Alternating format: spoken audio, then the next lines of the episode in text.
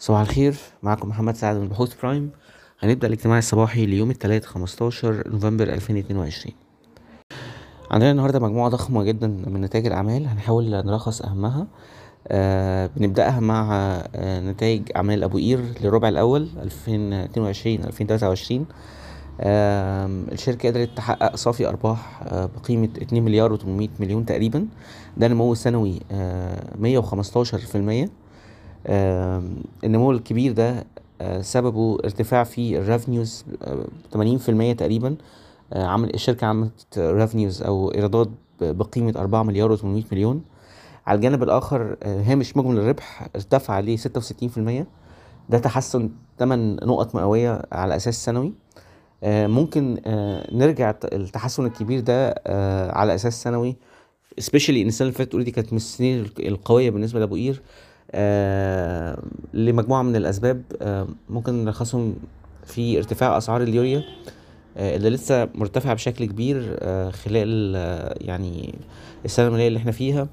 والحاجة التانية ضعف ال- ال- العملة المحلية واللي عشان خاطر أبو قير بيصدر يعني عنده exposure كبير للتصدير فطبعا بيساعد إن هو يحسن الأسعار البيع بتاعته. على الجانب الآخر الحاجة اللي ما كانتش كويسة قوي في ال quarter ده هو انخفاض في ال volumes بالتحديد لمصنع ابو قير واحد. ال volumes نزلت تقريبا 5% على أساس سنوي ومصنع ابو قير اتنين ال volumes اللي هو بينتج ammonium nitrate ال volumes نزلت فيه تقريبا 3% على أساس سنوي. لكن بنلاحظ إن على أساس ربعي كان في تحسن واضح الأرباح ارتفعت بنسبة 33% والريفينيوز اتحسنت بنسبة 12% لكن برضو بنلاحظ إن الربع الرابع آه، اللي هو يعني الربع اللي قبل ده اللي هو الربع الأخير من السنة المالية 21 22 اللي إحنا بنقارن بيه على أساس فصلي كان ربع مش قوي. والسبب في كده هو إن كان في آه، شهر يعني توقف في عمليات آه، إنتاج آه، أبو قير ثلاثة عشان خاطر كان في ال- العمرة السنوية بتاعة ال- المصنع اللي هي اللي كانت موجودة خلال الربع الأخير من السنة اللي فاتت. آه، سعرنا المستهدف في أبو قير هو 40 جنيه. آه، والسهم بيتداول على مضاعف آه، ربحية مستقبلية آه، تقريبا آه، يعني أقل من آه، أربع مرات.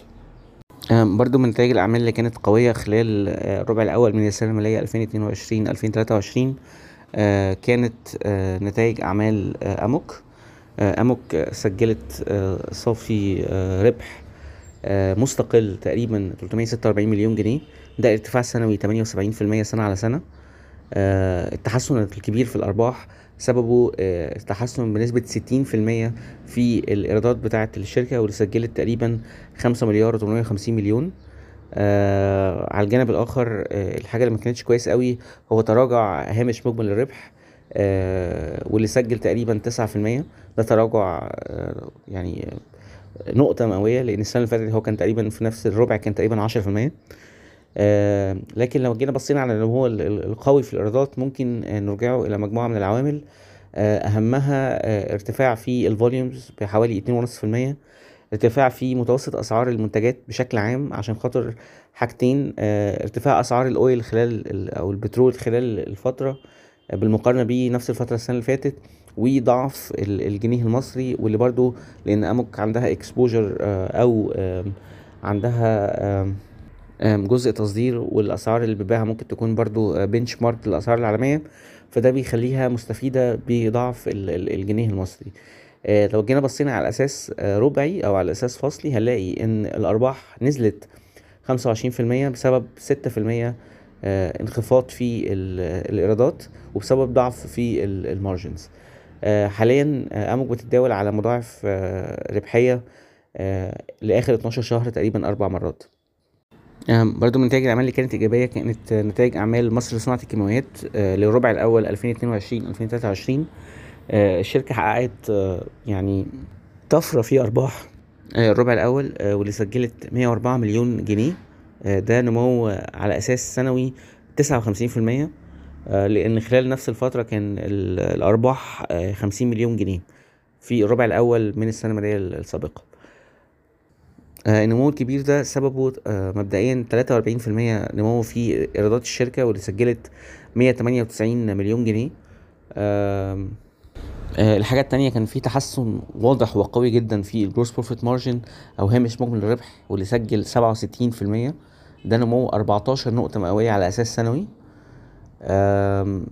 النمو الكبير في ال revenues وتحسن ال gross profit margin الاتنين ممكن نرجع نرجع أسبابهم بشكل أساسي لارتفاع كبير في أسعار ال- ال- البيع بسبب حاجتين ارتفاع أسعار ال caustic soda أو الصودا الكاوية عالميا بشكل كبير بجانب طبعا ضعف ال- الجنيه المصري. حاليا آه، مصر لصناعة الكيماويات بتتداول على آه، مضاعف ربحية مستقبلية ل 2000 السنة السنة المالية ال- ال- القادمة آه، للسنة المالية 2023 بتتداول على مضاعف ربحية تقريبا أربع مرات. آه، إحنا عندنا يعني overweight rating أو توصية بزيادة الناس ال- ال- الوزن النسبي لمصر لصناعه الكيماويات سعرها المستهدف في السهم آه، 20 جنيه. عندنا برضو مجموعة من نتائج الأعمال اللي تخص آه، القطاع آه، البنكي. آه، أماني هتكلمنا عنها. أماني اتفضلي. مع استمرار موسم نتائج الأعمال لقطاع البنوك أعلن أربع بنوك عن نتائج الربع الثالث لسنة 2022 بنك فيصل بنك كريدي أجريكول بنك تنمية الصادرات وبنك البركة. هنبدأ ببنك فيصل. البنك رغم إنه سجل زيادة 9% على أساس ربع سنوي في صافي الدخل من العائد اللي وصل لمليار جنيه مصري إلا إن الزيادة دي ما وصلتش لصافي الربح للبنك اللي انخفض 2% على أساس ربع سنوي ليصل ل 547 مليون جنيه. الأسباب الأساسية لانخفاض آه، صافي الدخل كانت آه، انخفاض توزيعات الأرباح آه، بنسبة 98% على أساس ربع سنوي سجلت 3 مليون جنيه فقط مقارنة ب 132 مليون جنيه الربع الماضي. والسبب التاني كان هو خصم أو حجز مخصصات ب 2 مليون جنيه مقابل رد مخصصات ب 155 مليون في الربع التاني. الملاحظ كمان إن الإيرادات التشغيلية الأخرى لبنك فيصل زادت بنسبة 200% على أساس ربع سنوي سجلت 219 مليون جنيه مصري. ده طبعا كان متوقع نظرا للأرباح من إعادة تقييم العملة واللي متوقع كمان إنها الربع اللي جاي تكون رقم أكبر من كده بكتير. بالنسبة لمحفظة قروض بنك فيصل فالبنك رجع مرة تانية آه، لمرحلة آه، نمو القروض آه، بعد ما كان فيه انخفاض قوي الربع اللي فات. فهنلاقي إن الربع ده فيه زيادة 16% على أساس ربع سنوي لتصل محفظة القروض ل 12 مليار جنيه. نسبة القروض المتعثرة في البنك آم، ضئيلة جدا 1.2% ونسبة التغطية عالية جدا بتصل ل 500% أما بالنسبة لودائع البنك فللربع التاني على التوالي ما كانش فيها أي نمو وما زالت ثابتة عند منطقة ال 116 مليار. البنك حاليا عنده عائد على حقوق الملكية يصل ل 12% مضاعف ربحية يساوي 3.2 مرة ومضاعف قيمة دفترية يساوي فاصلة خمسة مرة. البنك التاني هو بنك تنمية الصادرات. برضو البنك كان فيه نمو قوي في صافي الدخل من العائد آه، على خلفية الفايدة المرتفعة. فصافي الدخل من العائد زاد 21% على أساس ربع سنوي يصل ل 851 مليون. إلا إن برضو الزيادة دي ما وصلتش لصافي الدخل اللي ارتفع 7% فقط على أساس ربع سنوي سجل 338 مليون جنيه. ده جه بسبب حاجتين ارتفاع قوي جدا في معدل الضريبة الفعلي اللي وصل ل 44% مقارنة باتنين وتلاتين في المية الربع التاني والسبب التاني كان هو حجز مخصصات بقيمة 85 مليون جنيه. محفظة قروض بنك تنمية الصادرات زادت بخمسة في المية على أساس ربع سنوي لتصل لأربعة وأربعين مليون جنيه مصري مع زيادة بسيطة في نسبة القروض المتعثرة اللي سجلت 3.2% مع معدل تغطية أقل عن الربع اللي فات اللي سجل مية في المية بالظبط. ده يعتبر red flag أو يعني نقطة alarming شوية لأن مجرد ما آه، نسبة التغطية تنزل عن المية في المية آه، وقتها البنك هيكون عنده مشكلة في ال credit quality أما بالنسبة للودائع فكان في زيادة بواحد في المية فقط على أساس ربع سنوي لتصل لواحد وسبعين مليار جنيه مصري. هامش صافي الدخل من العائد لبنك تنمية الصادرات حاليا عند 5% العائد على حقوق الملكية وصل ل 14% البنك حاليا بيتداول على مضاعف ربحية مساوي ل 3.9 مرة ومضاعف قيمة دفترية مساوي لفاصلة خمسة مرة. بالنسبة لبنك كريدي أجريكول فصافي الربح للبنك في الربع الثالث سجل زيادة عشرة في المية على أساس ربع سنوي ليصل ل 586 مليون. الزيادة دي كانت في الأساس معتمدة على زيادة صافي الدخل من العائد اللي ارتفع 14% على أساس ربع سنوي ليصل ل 968 مليون. بالنسبة لودائع بنك كريدي أجريكول فهي ما كانش فيها أي نمو الربع اللي فات إلا إنه استطاع إن هو يتغلب على المنافسة الربع ده وعمل زيادة كويسة في الودائع وصلها ل 54 مليار جنيه وده يخلي الارتفاع في الودائع من بداية السنة يصل ل 11% أما بالنسبة لمحفظة قروض بنك كريدي أجريكول هي كمان كان فيها زيادة الربع ده 4% على أساس ربع سنوي لتصل ل 35 مليار جنيه. مع انخفاض نسبة القروض المتعثرة ل 2.9% وارتفاع نسبة التغطية ل 140% هامش صافي الدخل من العائد لبنك كريدي حاليا عند 6.7% والعائد على حقوق الملكية يساوي 24% البنك حاليا بيتداول على مضاعف ربحية يساوي 4.5 مرة ومضاعف قيمة دفترية يساوي 1.1 مرة. بنفكركم إننا كنا محددين المستهدف السعري خلال 12 شهر لبنك كريدي أجريكول عند 8 جنيه 30 قرش. البنك الرابع والأخير هو بنك البركة. رغم إن البنك ما قدرش إنه يسجل أي زيادة في صافي الدخل من العائد على أساس ربع سنوي وما زال الرقم عند 887 مليون إلا إن صافي الدخل للبنك ارتفع 14% على أساس ربع سنوي ليصل ل 472 مليون. الزيادة دي كانت بسبب ثلاث آه نقط أساسية. النقطة الأولى هو انخفاض في المخصصات المحجوزة بنسبة 66% لتصل ل 38 مليون جنيه مصري. النقطة التانية إنه كان في خسائر ناتجة عن فروق تقييم أصول مالية بالقيمة العادلة من خلال الأرباح والخسائر. الربع اللي فات بسالب 3 مليون جنيه دي مش موجودة الربع ده. والسبب الثالث هو انخفاض معدل الضريبة الفعلي ل 32% مقابل 34% البنك قدر إنه ينمي محفظة القروض 8% على أساس ربع سنوي لتصل ل 27 مليار على الرغم من إن ودائع البنك ما زالت بدون أي نمو على الإطلاق منذ بداية العام ما زالت عند ال 73 مليار جنيه مصري. البنك حاليا عنده عائد على حقوق الملكية مساوي ل 24% وبيتداول على مضاعف ربحية يساوي مرتين ومضاعف قيمة دفترية يساوي فاصلة خمسة مرة. آه شكرا جدا يا أماني. آه برضو عندنا مجموعة من نتائج الأعمال آه اللي تخص قطاعات الكونسيومر والفارما. نوران هكلمنا عنها. نوران اتفضلي. إيديتا أعلنت عن نتائجها للربع الثالث من 2022 وحققت صافي أرباح 287 مليون بنمو 154% على أساس سنوي. وده كان بسبب ارتفاع الإيرادات ل 2 مليار جنيه بنمو 45% على أساس سنوي.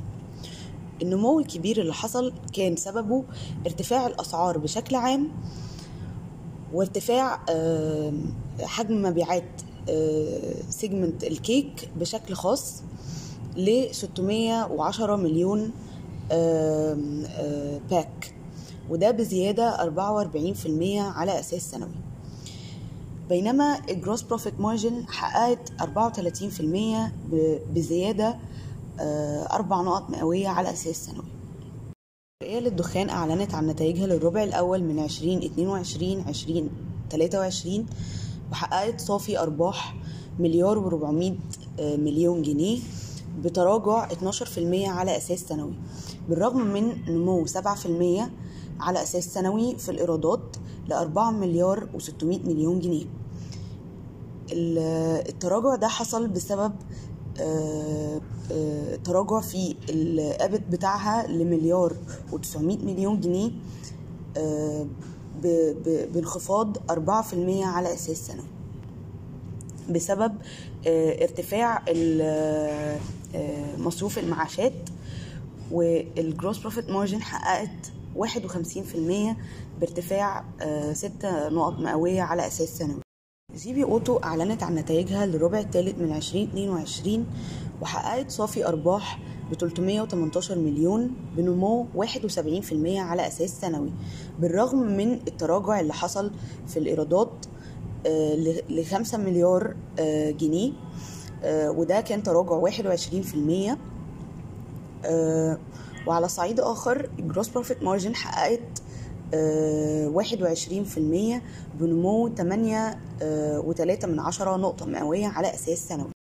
بيكو أعلنت عن نتائجها للربع الثالث من عشرين اتنين وعشرين وحققت صافي أرباح ب 113 مليون جنيه بنمو 29% على أساس سنوي وده كان بسبب ارتفاع الإيرادات ل 953 مليون جنيه بنمو 9% على أساس سنوي.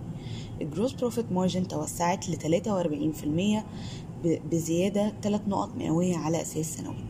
وعلى الجانب الآخر إبيكو قرروا يستغنوا عن عرضهم للاستحواذ على يو بي فارما اللي أعلنوا عنه من فترة بجانب إنهم هي هي هيزودوا رأس المال المدفوع ب 15% لمليار و100 مليون جنيه على السعر العادل اللي هيحدده لسه مستشار مالي مستقل. كومتي أعلنت عن نتائجها للربع الثالث من 2022 وحققت صافي أرباح ب 51 مليون جنيه بتراجع 2% على أساس سنوي بالرغم من إن الإيرادات حصل فيها نمو 38% على أساس سنوي ووصلت لمليار و300 مليون جنيه. أما ال gross profit margin فحققت تراجع ل 15% بتراجع 8 نقط مئوية على أساس سنوي. كنا محددين السعر المستهدف ل 12 شهر لدومتي ب 8 جنيه و70 قرش للسهم.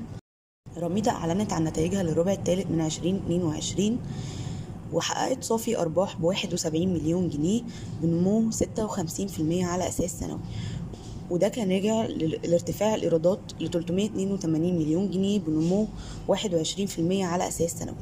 الإيرادات حصل فيها نمو بالرغم من تراجع حجم المبيعات 19% على أساس سنوي الجروس بروفيت مارجن حققت 51% بنمو 4 نقط مئوية على أساس سنوي وأخيرا عندنا نتائج أعمال تخص القطاع الصناعي. عبد الخالق هيكلمنا عنها. عبد الخالق اتفضل.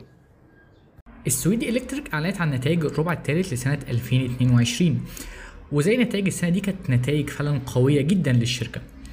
الشركة حققت صافي أرباح قدره 1.2 مليار جنيه ودي بزيادة سنوية قدرها 71% وده على إيرادات قدرها 23 مليار و600 مليون جنيه ودي بزيادة تقريبا قدرها 60% على أساس سنوي. وهنا بنشوف إن الشركة دي أدائها خلال الربع الثالث كان قوي جدا زي خلال الربع الثاني والربع الأول وإنها السنة دي كانت من المستفيدين جدا إذا كان من زيادة الدولار قدام الجنيه. أو حتى من البيئة التضخمية اللي موجودة حاليا. وده هنشوفه في أول قطاع وأهم قطاع بالنسبة لنا وهو قطاع الكابلات. حيث إن الشركة حققت من قطاع الكابلات إيرادات قدرها 11 مليار و300 مليون جنيه وده بزيادة سنوية قدرها 52% وإيرادات قطاع الكابلات مثلت تقريبا 48% من إجمالي إيرادات الشركة. بالنسبة لقطاع ال turnkey projects أو قطاع التسليم على المفتاح فإيرادات القطاع كانت 9 مليار و860 مليون جنيه وده بزيادة سنوية قدرها 63% ومثلت تقريبا 42% من إجمالي إيرادات الشركة. آخر حاجة هو بقية القطاعات إذا كان مثلا قطاعات ال renewable energy أو مثلا قطاعات ال other electrical products ال transformers والعدادات فبالنسبة للقطاعات دي القطاعات دي مع بعض حققت 2 مليار و480 مليون جنيه ومثلت تقريبا النسبة الباقية واللي هي تقريبا 10.4% من إجمالي الإيرادات. بالنسبة لهامش مجمل الربحية هامش مجمل الربحية وصل ل 13.6% وده بانخفاض عن الربع اللي فات بنسبة 8 من 10% ولكن بزيادة عن السنة اللي فاتت بنسبة واحد وواحد من ستة من عشرة على أساس سنوي. وأكبر زيادة هنشوفها بالنسبة لهامش مجمل الربحية هو قطاع الكابلات كالعادة حيث أن قطاع الكابلات هامش مجمل ربحيته هو بس وصل ل 13.5% وده بزيادة سنوية قدرها 3.7% لكن قطاع المشروعات والتسليم على المفتاح كان في انخفاض حيث إن هامش مجمل الربحية انخفض ل 9% مقارنة ب 12% خلال الربع اللي فات و12% كمان خلال السنة اللي فاتت. فهنا هنلاحظ انخفاض قدره 3% في هامش مجمل ربحية القطاع ده. بالنسبة لقطاع المنتجات الكهربائية الأخرى وقطاع الطاقة المتجددة فدول كالعادة كان عندهم أعلى هامش مجمل ربحية اللي كانت نسبتهم 51 و56% على التوالي. بالنسبة لل backlog قطاع التسليم على المفتاح فال backlog زاد جدا بحيث إنه وصل تقريبا ل 87 مليار جنيه. واللي هي تقريبا زيادة سنوية قدرها 52.5% بالنسبة للديون الشركة السويدي زادت الديون عندها خلال السنة جدا وده بسبب آه استراتيجية الشركة حاليا في إنها تبدأ تكو تخزن inventory أو مخزون أكتر عندها بسبب زيادة أسعار المنتجات الخام اللي هم بيستعملوها عالميا. وده كان قرار استراتيجي من إدارة شركة السويدي واللي أثر عليهم بالإيجاب في هوامش الربحية في قطاع الكابلات زي ما إحنا شفنا من شوية. إجمالي الديون لشركة السويدي وصل ل 31 مليار و600 مليون جنيه مصري وده بزيادة كبيرة جدا عن السنة اللي فاتت. ونقدر نقول إن السبب في زيادة الديون دي هو إن الشركة خدت قرار استراتيجي بإنها تخزن كميات أكبر من المخزون اللي هي بتستعمله. عشان زيادة اسعار المنتجات الخام عالميا بسبب الأزمة الروسية الأوكرانية والأزمات الطاقة في أوروبا.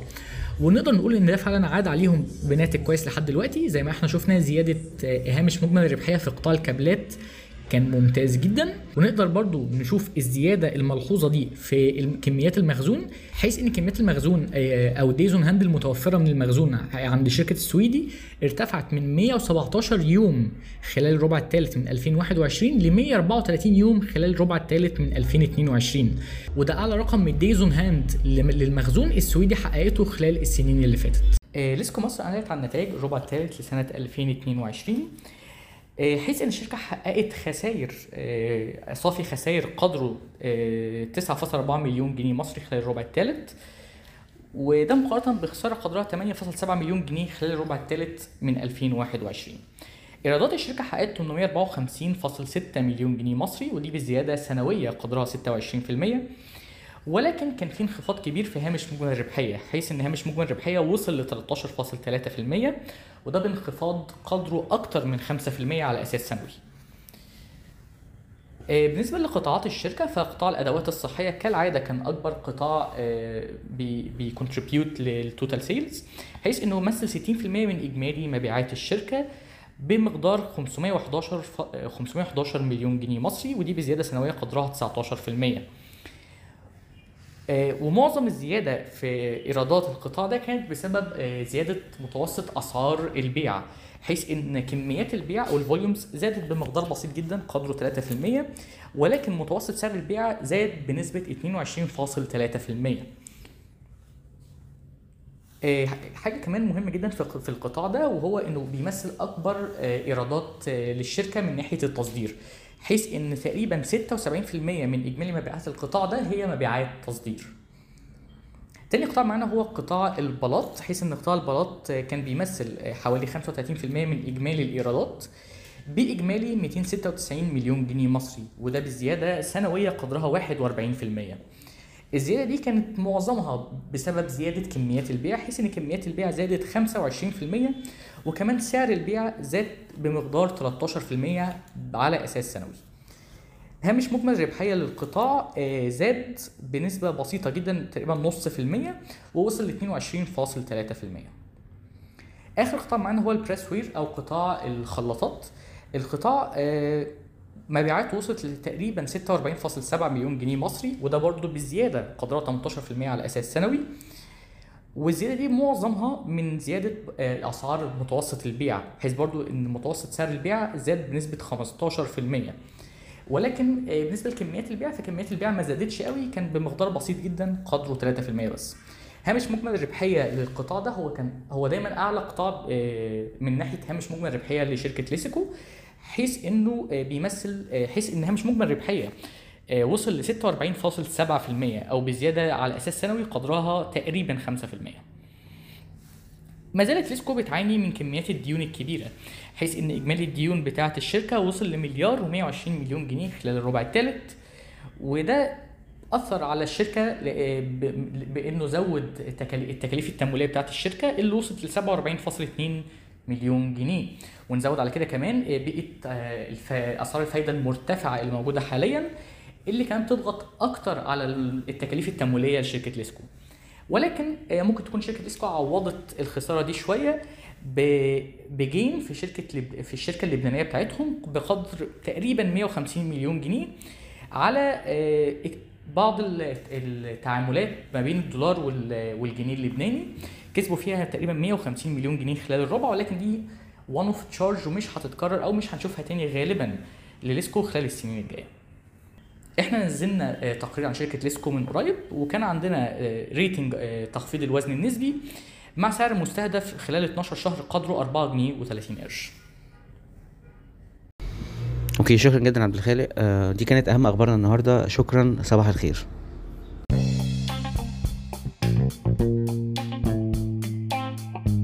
يرجى العلم أن هذا العرض هو لأغراض معرفية فقط. ولا يمكن اعتباره عرض أو توصية شراء أو بيع أو إدارة استثمارات أو خدمات استشارية. ينصح باستشارة مستشارك المالي قبل اتخاذ أي قرار استثماري. الأداء التاريخي ليس مؤشراً يعتمد عليه لتحديد الأداء في المستقبل.